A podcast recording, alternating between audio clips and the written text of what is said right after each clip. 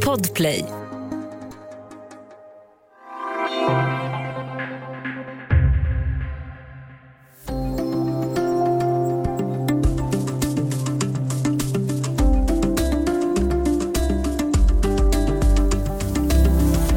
Få föreställde sig nog att USA, när de första bomberna föll över Afghanistan, skulle bli kvar i landet i 20 år. Kriget är med stor marginal USAs längsta. Men i höst, två decennier efter terrorattackerna på World Trade Center, ska de amerikanska trupperna hem. Hur ska det gå? Välkommen till Studio DN. Jag heter Sanna Thorén Björling.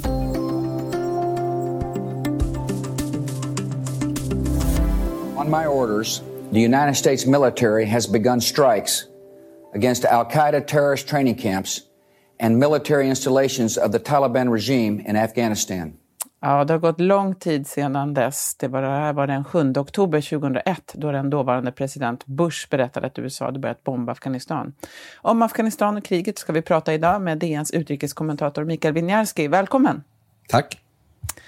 Du, Afghanistan det är ett stort land i Sydasien. Eh, det gränsar till Iran i väster och Pakistan i öster och till några tidigare Sovjetrepubliker, Tadzjikistan, Uzbekistan, Turkmenistan.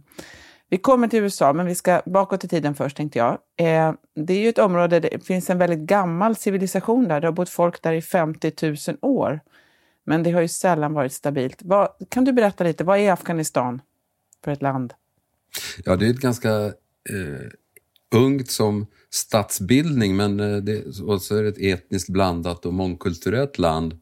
Eh, majoriteten är väl besläktad med den persiska kulturen, så de språk de talar där är, är, liknar farsi, det som man talar i Iran. Gränsen är inte heller naturligt dragen utan ett, en följd av olika stormakters rivalitet på 1800-talet. Eh, majoritetsfolket heter pashtuner, de är kanske 60 procent av befolkningen. Och de har flera miljoner av deras fränder bor också i grannlandet Pakistan. Så att det, det finns ju lite problem där med gränsdragningarna. Just det. Eh, det har ju varit, som du nämnde, många stormakter där. Eh, när Sovjet invaderade 1979, vad var det för land man gick in i då? Hur var läget då? Alltså även då var ju ett fattigt och ganska outvecklat land. Det hade varit en monarki i många år. Sen var det statskupper från olika eh, kommunistiska ledare. Men själva landet som sådant var klanbaserat, ytterst religiöst konservativt. Eh, ryssarnas, eller Sovjets då, syfte med att göra den här, invadera Afghanistan, det var att, att de, de var oroliga för att amerikanerna var på väg in. Så att de ville säkra sin kontroll över det här, sitt närområde i sitt veka liv som man kallar det för. Men följden blev den motsatta då. Istället så ut, utlöstes ett gerillakrig som, eh, med Mujahedin som de kallas för, de här gudskrigarna. Och inte ens hundratusen sovjetiska soldater som skickades in kunde slå ner det här upproret. Just det. Och eh, efter ockupationen, de sovjetiska styrkorna lämnade då 1989. Vad hände då? Ja, då, då blev det ett, ett inbördeskrig mellan olika krigsherrar alltså som representerade olika etniska grupper. Det var pashtunerna, det var tajiker och det var usbeker. Och så småningom utkristalliserades den mest fundamentalistiska av alla de här grupperingarna, en sunnimuslimsk grupp som kallades för talibanerna. Och de eh, grundades med väldigt starkt stöd av Pakistans säkerhetstjänst. De intog då efter några år, 1996, intog de Kabul och så skapade de det som kallas för Islamiska kalifatet Afghanistan, någon slags religiös diktatur.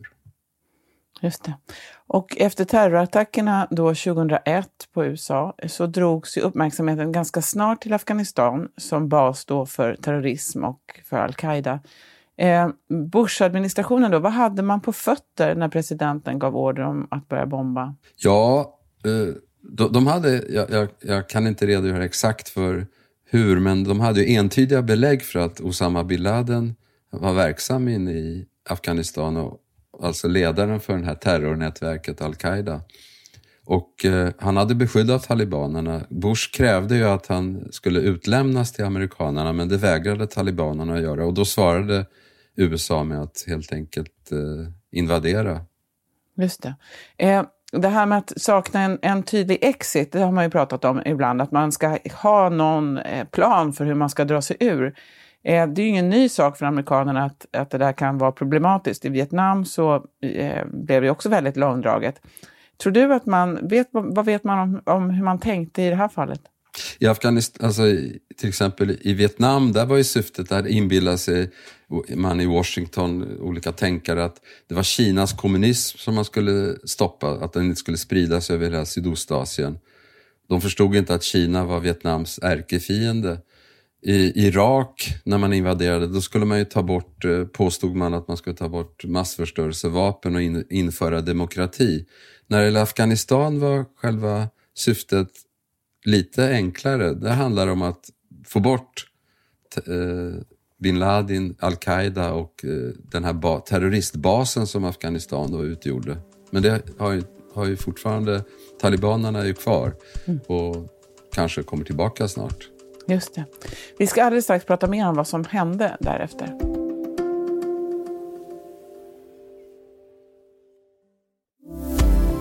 Vi pratar idag om Afghanistan och amerikanska eh, utdraget därifrån med DNs utrikeskommentator Mikael Winiarski. Eh, man har ju då kvar då 20 år senare. Eh, redan Obama ville ju minska USAs inblandning på olika håll, inte minst där, men det blev helt tvärtom. Trump eh, bestämde sig för att nu ska vi ut eh, och tyckte inte att USA hade där att göra längre. Det har inte hänt eh, och nu är då eh, Biden på väg att eh, verkställa det här slutligen. Hur kommer det sig att man, att man inte har lyckats eh, avsluta det här? Alltså Obama, han tyckte ju att han var ju entusiastisk, eller för han var för kriget i Afghanistan lika mycket som han var emot kriget i Irak. Han ansåg att Irakkriget var det dumma kriget, Afghanistan var det smarta. Eh, när, att man inte har lyckats Eh, varken Obama eller någon annan har lyckats med det. Det beror väl på att de har gjort en sån här condition-based eh, reträtt, alltså att, man, att det skulle vara villkorat. Man, man ansåg att eh, ja, vi är beredda att lämna om vi har ett avtal om vissa villkor uppfylls, till exempel att kvinnornas rättigheter ska säkras eller att inga terrorister ska få en fristad i Afghanistan vad Biden nu har gjort, och där är han ju faktiskt eh, ganska ense med Trump, det var att han har släppt det här så att uttåget från Afghanistan är, det är villkorslöst helt enkelt. Det, det, när USA lämnar så lämnar de och då får afghanerna göra upp själva hur de vill ha det i framtiden. Just det. det. det. man har ju fått kritik tidigare när man har lämnat för att man också lämnar eh, folk i sticket, inte minst eh, lokalbefolkning som har hjälpt amerikanerna som blir väldigt sårbara i det här. Eh, det finns en del kritiker också som jag läste senator Lindsey Graham som är republikan. Han sa att ja, jag förstår att folk är väldigt frustrerade med det här läget i Afghanistan, men bara för att man är frustrerad betyder inte det att kriget är, är vunnet eller avvärjt. Eh, vad, vad, det finns ju många synpunkter på det här. Vad skulle du säga om, om, om den, det inspelet? Ja, Lindsey Graham, han var emot en, tillbaka, en reträtt för USA. Även om han var anhängare till Trump så var han emot en neddragning i Afghanistan. Han har alltid velat eh, varit emot det. Eh, ja, vad ska man säga? Alltså, om man talar om seger och så. Vad USA har ju förlorat där kriget. Det, det, det måste man inse.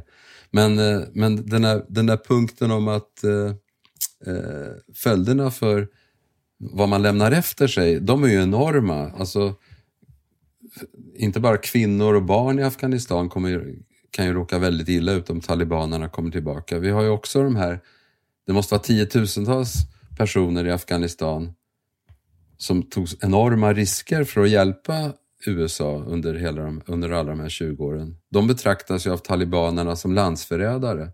Och det, det gå, kommer ju gå väldigt illa för dem om de är kvar eller hamnar i talibanernas klor. Så att eh, USA, det finns ju redan nu höjs det röster för att de måste på något sätt evakueras, räddas. Och det, det, jag menar, det är alla typer av militärer, poliser, statstjänstemän, tolkar. Det är en jätteoperation. Och så det, det, det, kan komma att påminna lite grann om vad som hände när USA lämnade Vietnam 1975 när nordvietnameserna intog Saigon. Då, då blev det ju evakuering i panik. De fick liksom kasta sig iväg på amerikanska helikoptrar i sista stund. Men eh, vad tror du, kommer man att kunna lämna? Det kommer också bli betydligt svårare att... Man pratar ju nu om att man verkligen ska ta bort alla som jag förstår det. Eh, det är väl en 2400 eh, man kvar. Ja, det är bara amerikanerna. Sen har vi ju närmare 10 000 övriga internationella militärer där också. Däribland 16 svenskar faktiskt. Vad händer med dem, vet du det? De måste ju samordna, USA måste nog koordinera så här tillbakadragandet. Jag menar, det är, de är ju under någon slags, åtminstone tidigare, under någon slags NATO-befäl, de här internationella eh, trupperna. Så nu måste ju USA koordinera med alla de här länderna som är med i den här operationen. Och det är väl, det är väl, ingen, eh, det är väl ganska självklart att de, när, om USA lämnar så kommer alla andra också lämna. Mm. Eh, det verkar ju som att man, man kommer väl förmodligen också få svårare att få ordentlig underrättelseinformation och så från det här området om man drar sig ur. Eh, om man ser framåt då, så det mest stabila i sikte, det tycks ju vara ett, ett maktövertagande av talibanerna då. Hur troligt är det? Ja, det är bara en fråga om... Eh, det är en fråga som man bara kan spekulera jag, jag tror ju personligen att de kommer... om det, det här tillbakadragandet fullföljs nu i september så tror jag att det dröjer, det är bara en tidsfråga innan talibanerna tar, tar över, i, att de tågar in i Kabul. Sen, är sen vet man ju inte vad följderna av det blir. Kommer, är det några starka krigsherrar som kommer att eh, göra uppror och att det blir ett inbördeskrig eller om de når någon slags inre, upp, inre uppgörelse där i, inom, bland pakistanerna.